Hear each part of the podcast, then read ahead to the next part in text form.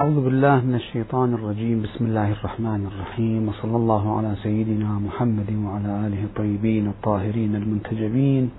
الرواية النبوية المشهورة قوله صلى الله عليه وآله من مات ولم يعرف إمام زمانه مات ميتة جاهلية. هذه الرواية رواها الفريقان بالاتفاق. رواها جميع المسلمين واتفقوا على روايتها في كتبهم ومجاميعهم الحديثية. الجاهلية كمصطلح قرآني وإسلامي يختلف عن المعنى الذي يسود على ألسنة الناس سواء كان في فترات ما قبل الإسلام أو ما بعد الإسلام أو حتى في أيامنا هذه.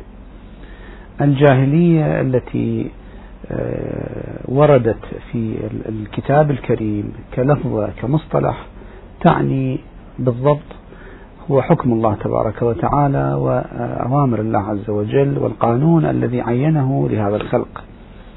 المشكلة هذه مشكلة تعيين القانون والتشريع مشكلة قديمة. منذ أن كان المشركون يعبدون أصناما غير الله تبارك وتعالى كانوا يعتقدون أنهم مع أنه مع وجود الله تبارك وتعالى لهم الحق في أن يضعوا قوانين خاصة لحياتهم ويسيرون أمورهم بما يرتؤون ولم يكونوا يعترفوا بهذا الحق لله تبارك وتعالى حق التشريع. وهكذا نجد في أزمنة مختلفة البشر يتمردون على أوامر الله تبارك وتعالى مع أنهم يؤمنون بأنه هو الخالق وهو الرازق وأنه هو الله تبارك وتعالى رب العالمين ومع ذلك لا يقرون لله عز وجل ولا يخضعون لله عز وجل في هذا الجانب في جانب التشريع والتقنين. فمع كونه إنسانا مثلا موحدا مؤمنا بوجود الله إلا أنه في جانب إدارة الحياة وتنظيم الحياة لا يعتقد بأن الله عز وجل له حق انحصاري في تقنين هذه الحياة وجعل القوانين لها. هذه هي المشكلة. الله عز وجل سمى هذه الحالة بالجاهلية. أفحكم الجاهلية يبغون ومن أحسن من الله حكما لقوم يوقنون. الآية الكريمة تخاطب النبي صلى الله عليه وآله تقول له وأن احكم بينهم بما أنزل الله. ولا تتبع أهواءهم. هؤلاء طبعا الخطاب للنبي فيما يتعلق بمجتمع الإسلام لأن النبي بعد افتراض أنه أصبح حاكما في مجتمع المسلمين الله عز وجل يوجه إلى أن يحكم بما أنزل الله. قبل أن يكون النبي حاكما وقبل أن يكون رئيس دولة ورجل دولة لا معنى لهذا الخطاب. هذا الخطاب ترتب على كون النبي الكريم صلى الله عليه وآله أصبح رجل دولة وحاكما يستطيع أن يحكم. بما أنزل الله. فيوجه من قبل القرآن أن احكم بينهم بما أنزل الله ولا تتبع أهواءهم. هؤلاء المسلمون. هناك جملة منهم إلى الآن هناك جذور جاهلية فيهم لا يريدون أن يحكموا بقوانين السماء وقوانين الله تبارك وتعالى. وهم يعتقدون أنهم قادرون على تنظيم شؤونهم وحياتهم وترتيب كل ذلك بقوانين وضعية يضعونها من عندياتهم ومن عند أنفسهم. الله عز وجل يحذر نبيه صلى الله عليه وآله أن ينصاع مع هؤلاء ويسير خلفهم ويحكم بأهوائهم. لماذا؟ ثم بعد ذلك تأتي الآية الأخرى. أفحكم الجاهلية يبغون؟ أي أن مجانبة حكم الله عز وجل والحكم بما تهوى الأنفس الأنفس البشرية أو ما تتوصل إليه العقول البشرية هو بالنتيجة آه، أمر تنطبق عليه أو ينطبق عليه مصطلح الجاهلية. فالجاهلية إذا كمصطلح قرآني آه، ينطبق على كل ما جانب حكم الله عز وجل وكل ما خرج عن نطاق قانونه المعين لإدارة الحياة. الله تبارك وتعالى هنا ينبغي أن ننبه حينما خلق الخلق بكل هذه التفاصيل الواسعة والعجيبة والمتقنة والمعقدة آه، لم يرفع يده عن تسييرها. ليس هو خلقها ابتداء وتركها وشأنها. هذه مقولة اليهود آه، الذين يعتقدون أن الله أن يد أن يد الله مغلولة. آه، أن الله خلق وبعد ذلك لا يتدخل فيما خلق. آه، ما خلق هو يسير نفسه وهو يقنن لنفسه والأمور تسير آه، بعد عن الإرادة الإلهية والتدبير الإلهي أو في منأى من ذلك. هذا في الواقع. خطأ كبير والله عز وجل آه، أجابهم غلت أيديهم ولعنوا بما آه، بما يقولون. هذا القول القول الفظيع. لعنهم الله عز وجل لأجل هذه المقولة الخاطئة. نقول بعض الناس إلى الآن يفكر بهذه العقلية. إلى زماننا هذا الزمن الذي آه، اتسعت فيه المدارك وانفتحت فيه الآفاق وزالت فيه الحدود بين البشر. إلى الآن هناك من يعتقد أن القانون الذي يجب أن يحكم البشر لا بد أن يكون من تأليف البشر. وهذا ما تطالب به دول كثيرة ودساتير كثيرة وتعتمد عليه ثقافات غربية معينة. نقول هذا من الغريب طبعا. يعني غريب على الإنسان أن يفكر في بهذه الطريقة مع تسليمه بوجود الله تبارك وتعالى وتسليمه بأن الله هو الخالق. وذلك وجه الغرابة الآن هؤلاء البشر أنفسهم من بلغ منهم مبالغ التطور والحضارة والتقنيات العالية. حينما يصنع جهاز معقد لا يمكن أن يخرج هذا الجهاز إلى السوق ويبيعه إلى أحد دون أن يرفق معه كتابا أو كتيبا يحتوي على تعليمات استخدام هذا الشيء التقني المعقد الذي يحتاج إلى عناية وإلى طريقة خاصة في الاستخدام. وهذا أمر متعارف عليه الآن في كل السلع المحترمة التي آه، يراد تسويقها. لا بد أن يكون معها كتيب إرشاد إرشادات للاستخدام. وإلا يكون الإنسان المستخدم للحاجة بدون رجوع إلى الكتيب هذا وإلى هذه التعليمات يكون قد عرض هذه الحاجة إلى الخطر وإلى الفساد وإلى التلف. هذا الكتيب هو قانون استخدام هذا الشيء. البشر عادة يجدون هذا أمر طبيعي جدا أن المعمل والمصنع والجهة المنتجة التي أنتجت هذا هذه السلعة لها الحق الكامل في أن توجه الناس إلى كيفية استخدام هذه السلعة من خلال هذا الكتيب الذي يحتوي على معلومات ترشد إلى الكيفية الصحيحة في الاستخدام. حتى يتجنب الإنسان فساد هذا الشيء بسرعة تلف هذا الشيء يتجنب الأخطار التي قد تتوجه إليه جراء الاستخدام الخاطئ. هذا أمر متسالم عليه. وإلى الآن كل الشركات تعمل ذلك ومن يأتي الآن أي بشر يأتي يشتري سلعة ويدعي أني لا أحتاج إلى كتيب استخدام لأني أنا أريد أستخدم السلعة كما أريد. أنا ما أتبع الإرشادات الواردة في هذا الكتيب سيكون محكوما عليه من قبل العقلاء من قبل أصحاب الإنتاج من قبل كل العرف الموجود الإنساني أنه إنسان متهور. وأنه خارج عن حدود المعقول لأنه غير حريص على سلامة حاجته بل غير حريص على سلامة نفسه لأنه قد يعرض نفسه للخطر. كل ذلك لماذا؟ الناس لماذا تصف هذا الإنسان بأنه خارج عن حدود العقلانية؟ لأنه يستخدم الحاجة التي صنعها غيره بدون إرشادات ذلك الصانع. يستخدم المصنع هذا المنتج الذي أنتجه غيره دون أن يسترشد بإرشادات ذلك المنتج الذي يعرف ما أنتج ويعرف أسراره ويعرف أخطاره ويعرف أين تكمن الفائدة فيه وأين يكمن الخطر. هذا ما يتفق عليه كل البشر ويسيرون عليه يوميا بلا بلا اختلاف. لا أحد يختلف في هذه النقطة. نحن نسأل هنا لماذا حينما يتعلق الأمر بمنتج إلكتروني كهربائي غير ذلك نكون إحنا متشددين جدا في هذه المسألة ومتفقون متفقون أن من يستخدم هذا المنتج لابد أن يرجع إلى هذا الكتيب كتيب معلومات كتبته الشركة المنتجة المصنع المنتج. نتفق على ذلك. لماذا حينما يصل الأمر إلى الله تبارك وتعالى نعزل هذا الخالق المدبر الذي خلق هذا الكون وخلقنا وصنعنا وصنع كل ما يتعلق بنا وصنع كل ما حولنا من طبيعة ومن ظروف تخدم الإنسان هو الصانع هو الخالق هو المتفرد بذلك لا شريك له. مع ذلك نجي إلى رب العالمين. حينما نصل إليه نعزله عن هذا الجانب. نقول له أنت صنعت وانتهى دورك. أما أن تعطينا كتيب أو كتاب فيه تعليمات كيف يعيش هذا الصنع ما يصلح هذا الخلق كيف ينتهي هذا الخلق إلى غاياته في الكمال والسعادة لا هذا محقق. هذا إحنا نفس الخلق هو الذي يفعل ذلك.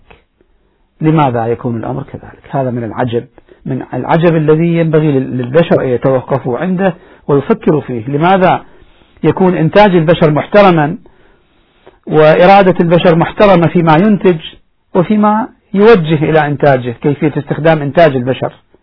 ولا يكون ما ينتجه الله عز وجل وما يخلقه وما يصنعه من هذه الخلقة العجيبة المعقدة المتقنة لا يكون محترما ولا ولا نراعي قوانين الخالق فيما خلق. أفلا يعلم ما خلق وهو اللطيف الخبير. الله عز وجل أعرف بالإنسان وأعرف بأسراره ودقائق خلقته. نرجع إلى حديثنا. نقول أن من يبغي الآن يتضح معنى الجاهلية أن من يبغي أن يقنن لحياته قانونا غير قانون الله عز وجل هو بالضبط كمن يريد أن يستخدم المنتج الفلاني من المعمل الفلاني من المصنع الفلاني دون أن يرجع إلى كتيب المعلومات الخاصة. المنتجة أو الصادر من نفس المعمل ويريد أن يتصرف بمحض إرادته كما يحلو له. يعرض نفسه إلى الخطر يعرض الآخرين للخطر يعرض الحاجة إلى الخطر. بالضبط. الجاهلية بمعناها القرآني هو هذا أن ينصرف الإنسان أو عن قوانين الله عن شرعة الله تبارك وتعالى إلى شرعة نفسه. وإلى ما يؤلفه من قوانين ويفترضها آه، شرعة آه، تسير حياته وتسير علاقاته بالآخرين. الجاهلية إذن هي حكم غير الله هي قوانين غير الله تبارك وتعالى. وقد ورد عن الإمام الصادق صلوات الله وسلامه عليه الرواية الحكم حكمان حكم الله وحكم الجاهلية. فما فالحكم الذي يجانب حكم الله هو حكم الجاهلية. كل حكم خرج عن هذا القانون الذي جاءنا على لسان النبي الكريم صلى الله عليه وآله هو حكم جاهلية. إذا اتضح الآن أن معنى الجاهلية في الآية الكريمة وفي الروايات هو مجانبة حكم الله تبارك وتعالى. الله عز وجل الخالق الذي له حق التشريع انحصارا حصريا هذا الحق لله تبارك وتعالى. كما أن حق وضع معلومات وكتيب معلومات لاستخدام المنتجات البشرية حق حصري لهذه الشركة المنتجة ولا يختلف في ذلك. اثنان كذلك. بل أولى من ذلك الأولى من ذلك وأوضح أن يكون حق التشريع والتقنين بيد الخالق عز وجل هو الذي له حق أن يشرع لهذه الحياة ويقنن لهذه المخلوقات ويريها طريق سعادتها وكمالها. نرجع للرواية. من مات ولم يعرف إمام زمانه مات ميتة جاهلية. الذي يموت على غير معرفة بإمام زمانه يموت كمن جانب حكم الله تبارك وتعالى. يموت مجانبا لحكم الله يموت بعيدا عن أحكام الله وشرعة الله تبارك وتعالى. هذه الشرعة التي تجعل الإيمان بالإمام جزءا أساسيا من العقيدة الإسلامية.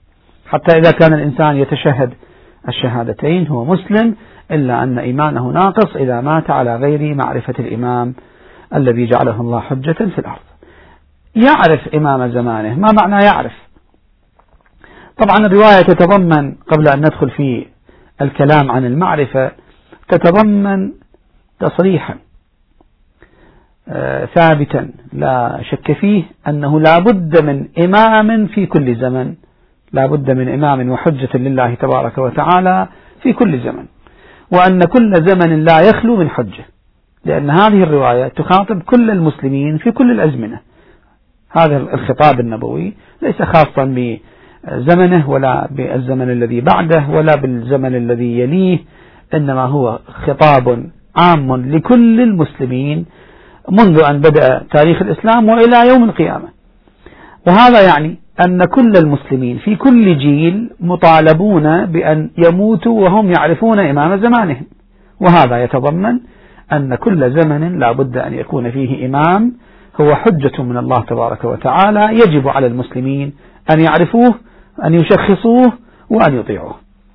بعد ذلك ندخل إلى توضيح مسألة المعرفة معرفة الإمام. لا شك أن المعرفة بمجردها بالمعنى العلمي المصطلح بمجردها غير كافية.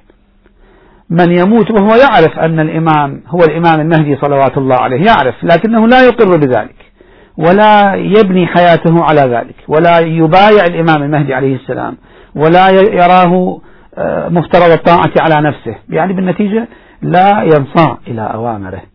وهذا لم يمت إلا ميتة جاهلية مع أنه عرف أن هذا هو المهدي وهذا هو الإمام ومات على غير الإيمان به. المقصود إذن بالمعرفة ليس هو مجرد الاطلاع. ليس هو مجرد أن أعلم أن فلان هو الإمام المنصب من الله. بل المعرفة المقصود بها هو المعرفة التي تجر إلى الإقرار وتؤدي إلى الخضوع لهذا الإمام والاعتراف بحقه في الطاعة. معرفة الإمام طبعا ينبغي أن يعرف آه، باسمه وبشخصه ومن أبوه وإلى ما إلى أي عشيرة ينتمي آه، وهذه المعلومات التي عادة يحتاجها الإنسان إلى معرفة الأشخاص. لابد أن تعرف شخص الإمام باسمه وبنسبه. هذا أولا.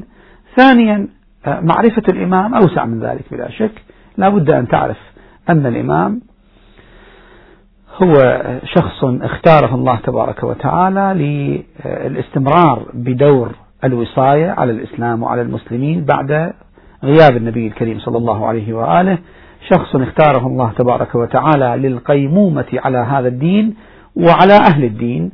شخص اختاره الله تبارك وتعالى وجعل له الحق في تفسير القرآن هو الجهة المخولة الوحيدة في تفسير القرآن. الإمام هو الجهة الوحيدة المخولة في تفسير مفردات الإسلام وتوضيحها للناس. وفي تطبيقها بشكل عام طبعا آه، التطبيق العام للإسلام والتطبيق الشامل لم يكن إلا على يد الإمام المهدي صلوات الله عليه. إذا المعصوم والحجة والإمام هو شخص له هذه الصفات. معرفة الإمام لا بد أن تحتوي ولو إجمالا على هذه الأمور. ثم بعد ذلك نأتي. نقول مجرد المعرفة التي ذكرنا أنها غير كافية المعرفة العلمية غير كافية لا بد من إذعان. وإقرار وبيعة. هنا السؤال يأتي. فيما يتعلق بزمننا هذا. إذا أراد شخص أن يسأل ويقول أريد في هذا الزمن أن أبايع إمام زماني. أنا عرفت أن الإمام هو الإمام المهدي عليه السلام. اطلعت على ذلك من خلال الروايات المتواترة عن النبي الكريم صلى الله عليه وآله وأهل البيت عليهم السلام بل بقية المسلمين. وأنا أؤمن بأن الإمام المهدي هو الإمام الآن في هذا الزمن. أريد أن أبذل له بيعتي. فماذا أفعل؟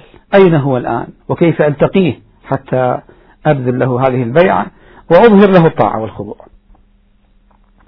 الواقع أن بيعة المعصوم عموما بغض النظر عن الإمام المهدي عليه السلام كل المعصومين منذ النبي الكريم صلى الله عليه وآله إلى الإمام الحسن العسكري عليه السلام بيعة هؤلاء لم تكن تتم دائما بشكل حضوري.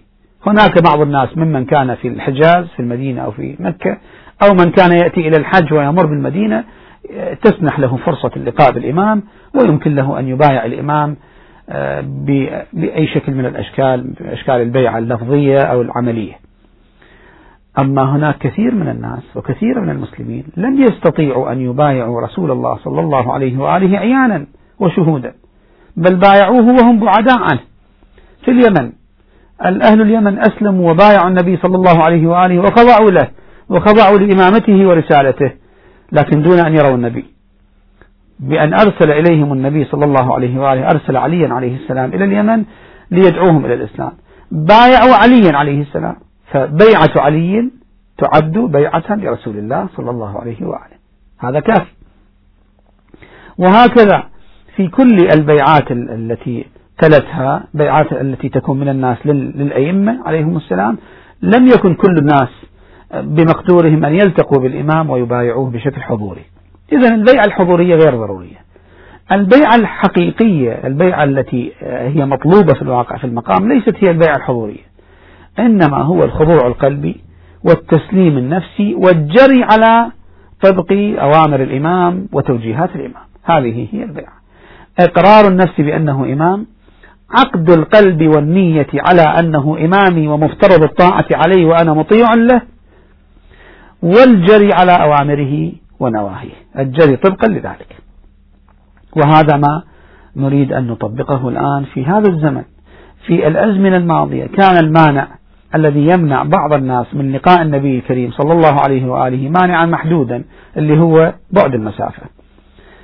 أما في هذا الزمن المانع مانع عام الكل لا يستطيع أن يراه. لكن المشكلة آه، ليست هنا. المشكلة ليست في أن تراه أو أن لا تراه القضية المهمة في أن تقر بإمامته أو لا تفعل. أن تجري طبقا لأوامره ونواهيه أو لا تفعل. هذه هي البيعة الحقيقية كما ذكرنا. وهذا أمر متيسر للجميع في هذا الزمن. سواء من يستطيع أو من يدعي أنه يرى الإمام أو من لا يستطيع. بالنتيجة إحنا نؤمن أنه العام الأغلب من المسلمين لا يستطيع رؤية الإمام لأن الإمام في ظرف غيبة. وما يحصل من حالات لقاء خاصة جدا لبعض الصالحين والأولياء هذه أيضا حالات لا تصلح دليلا لعمومية الحالة هذه ولشمولها لكل الناس. تبقى حالة الغيبة هي الحاكمة حالة الستر والتستر على شخصية الإمام هي الحاكمة يبقى أن الإمام يمكن بيعته بالطريقة التي ذكرناها وهي الخضوع التسليم بإمامته الجري على نواهيه وأوامره والبيعة لنائب الإمام. قد تقول من نائب الإمام في هذا الزمن؟ نعم للإمام نواب في هذا الزمن.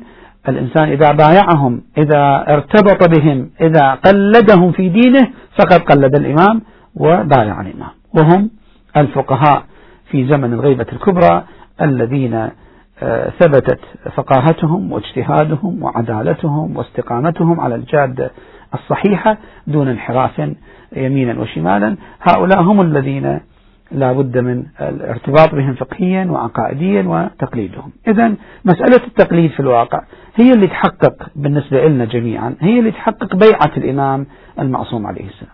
من أراد أن يبايع الإمام المعصوم إمامي ويا سيدي أنا مقر بفرض إمامتك وتابع لك من أراد أن يقول ذلك عملا ليرتبط بفقيه من فقهاء أهل البيت عليهم السلام بعد أن يدقق في ويسأل عن جوانبه العلمية والشخصية والسلوكية فيثبت له أنه مجتهد أنه أعلم المجتهدين أنه عادل إلى آخره من الصفات الأخرى حينئذ إذا قلده يكون قد بايع الإمام بيعة صحيحة. فإذا خلاصة الحديث ونهاية المطاف هذا أن من مات ولم يبايع الإمام ولم يرتبط بتقليد لأحد الفقهاء الذين هم نواب الإمام بحسب النصوص الموجودة عندنا يكون قد خرج عن الخط ومات ميتة جاهلية. وكأنه سلك غير طريق الشريعة التي جعلها الله تبارك وتعالى.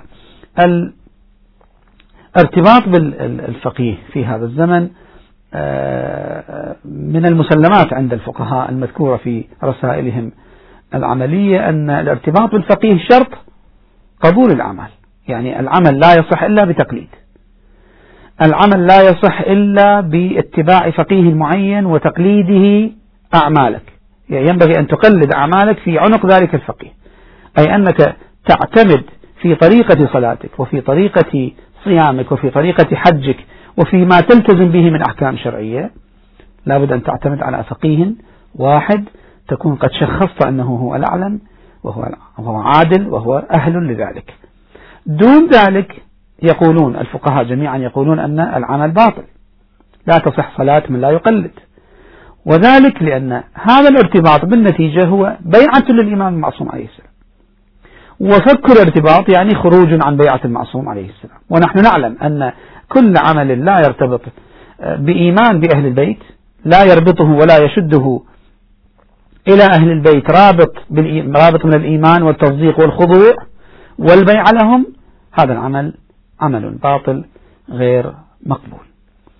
إذا من مات ولم يعرف إمام زمانه ولم يبايع إمام زمانه ولم يتبع إمام زمانه ولم يرتبط في هذا الزمان بفقهاء أهل البيت عليهم السلام مات ميتة جاهلية تخرج عن إطار ما أراده الله تبارك وتعالى وما حكم به في آه، شريعته. أكثر من هذا الارتباط بالإمام في حياة الإنسان له آثار لو أردنا أن نغض النظر عن الآثار الفقهية والأعمال الواجبة والمحرمة لو أردنا أن ننظر إلى التكامل النفسي للإنسان. وإلى تكامل الإيمان في الإنسان التكامل الروحي في الإنسان. هذا الأمر لا يمكن أن يتم دون الارتباط بالإمام. الله عز وجل جعل هذا الإمام محورا لكل شيء محورا لعالم التكوين محورا لعالم التشريع محورا لهذه النفوس والأرواح. من أراد أن يتكامل لابد أن يرتبط بمحور الكمال. الإمام هو المثال الأكمل للبشر في هذه الحياة. من أراد أن ينظر إلى أكمل إنسان في خلقه وفي خصاله النفسية وفي شمائله فلينظر إلى الإمام من أراد أن يقتدي بأكمل البشر عليه أن ينظر إلى الإمام ويقتدي بالإمام المعصوم. وهذا في كل زمن جار فيهم في كل زمن. الآن في زمننا الإمام المهدي صلوات الله وسلامه عليه هو أكمل البشر من كل الجهات. من الجهات العلمية الله عز وجل يعطيه العلم ويغدق عليه بالعلم اللدني الكامل الذي لا شائبة فيه. إذا كانت علوم البشر تشوبها شوائب من النقص والجهل والخطأ في المقدمات والخطأ في النتائج فإن ذلك كله غير وارد في حق الإمام المعصوم لأن مصدر علم المعصوم ليس بشريا لم يأخذ علمه من أحد. إنما أخذ علم يأخذ علمه مباشرة من الله عز وجل علم لدني ثم هو محتو على علم القرآن الذي لا يأتيه الباطل من بين يديه ولا من خلفه. المعصوم هو قرآن ناطق هو قرآن مجسد. فإذا من جهة العلم المعصوم هو أعلم الناس في هذه الأزمنة. من جهة الكمالات الخلقية والأخلاقية والخلقية أيضا الإمام كذلك هو في أرفع درجة كما تنص على ذلك الروايات وكما يشهد بذلك الناس. الأجيال السابقة التي سبقتنا شهدت آه، الأئمة عليهم السلام ونظرت إلى آه، إلى حياتهم وإلى طرز سلوكهم وإلى كلامهم وإلى أحوالهم المختلفة والكل يشهد أنهم لم يروا أن أحدا لم يرى ولم يسمع آه، شخصا مثل هذا الإمام في خلقه وفي سلوكه وفي جملة حياته. هذه مسألة إضافة إلى النصوص الشهادات البشرية موجودة فيها شهادة التاريخ موجودة فيها بشكل مفصل. فالإمام أعلم الناس أكثر الناس خلقا أرفع الناس إيمانا ودرجة وإلا ما كان يستحق.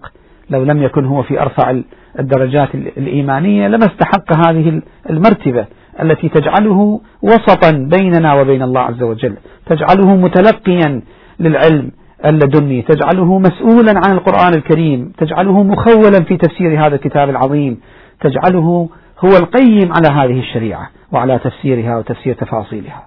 لولا هذه الدرجة العالية من الإيمان التي نسميها العصمة فالإمام إذن هو المعصوم هو الأعلم هو الأكثر خلقا هو الأفضل في كل صفة.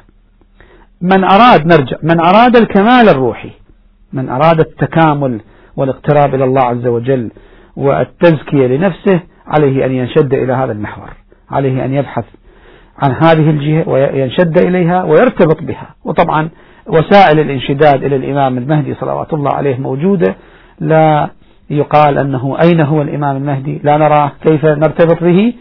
الارتباط الروحي بالإمام لا يتطلب آه، نظرا ولا يتطلب لمسا ولا يتطلب حضورا وشهودا بل يتطلب بصيرة في القلب كما كان الارتباط كما أنه الآن نحن نرتبط بالنبي الكريم صلى الله عليه وآله بصفاته الكريمة بعلومه العظيمة آه، نرتبط بها وننشد إليها ونتكامل ببركتها. كذلك الإمام المعصوم الذي لم نره ولم نلتقي به. أريد أن أختم حديثي بالتأكيد على أن الإمام صلوات الله عليه إن كان قد غاب في شخصه فليس غائبا في ثقافته. وليس غائبا في علمه وليس غائبا في أدواره التي يجب أن يلعبها في الحياة وليس غائبا في كل الجهات الأخرى التي تجعل منه قائدا وإماما مفترض الطاعة. هو غائب في شخصه فقط. وأما الجهات الأخرى التي تتطلبها شخصية القائد وشخصية المسؤول عن أمة فهي موجودة وكاملة. له نواب نوابه يؤدون دورا كبيرا في سد الحياة الفقهية والعملية للناس. له آثار وله ثقافة وله تراث هذا التراث من يرتبط به يجد نفسه منشدا إلى تراث الإسلام الحقيقي. له بركات آه، خفية يشعر بها أهل القلب وأهل الشعور وأهل البصيرة.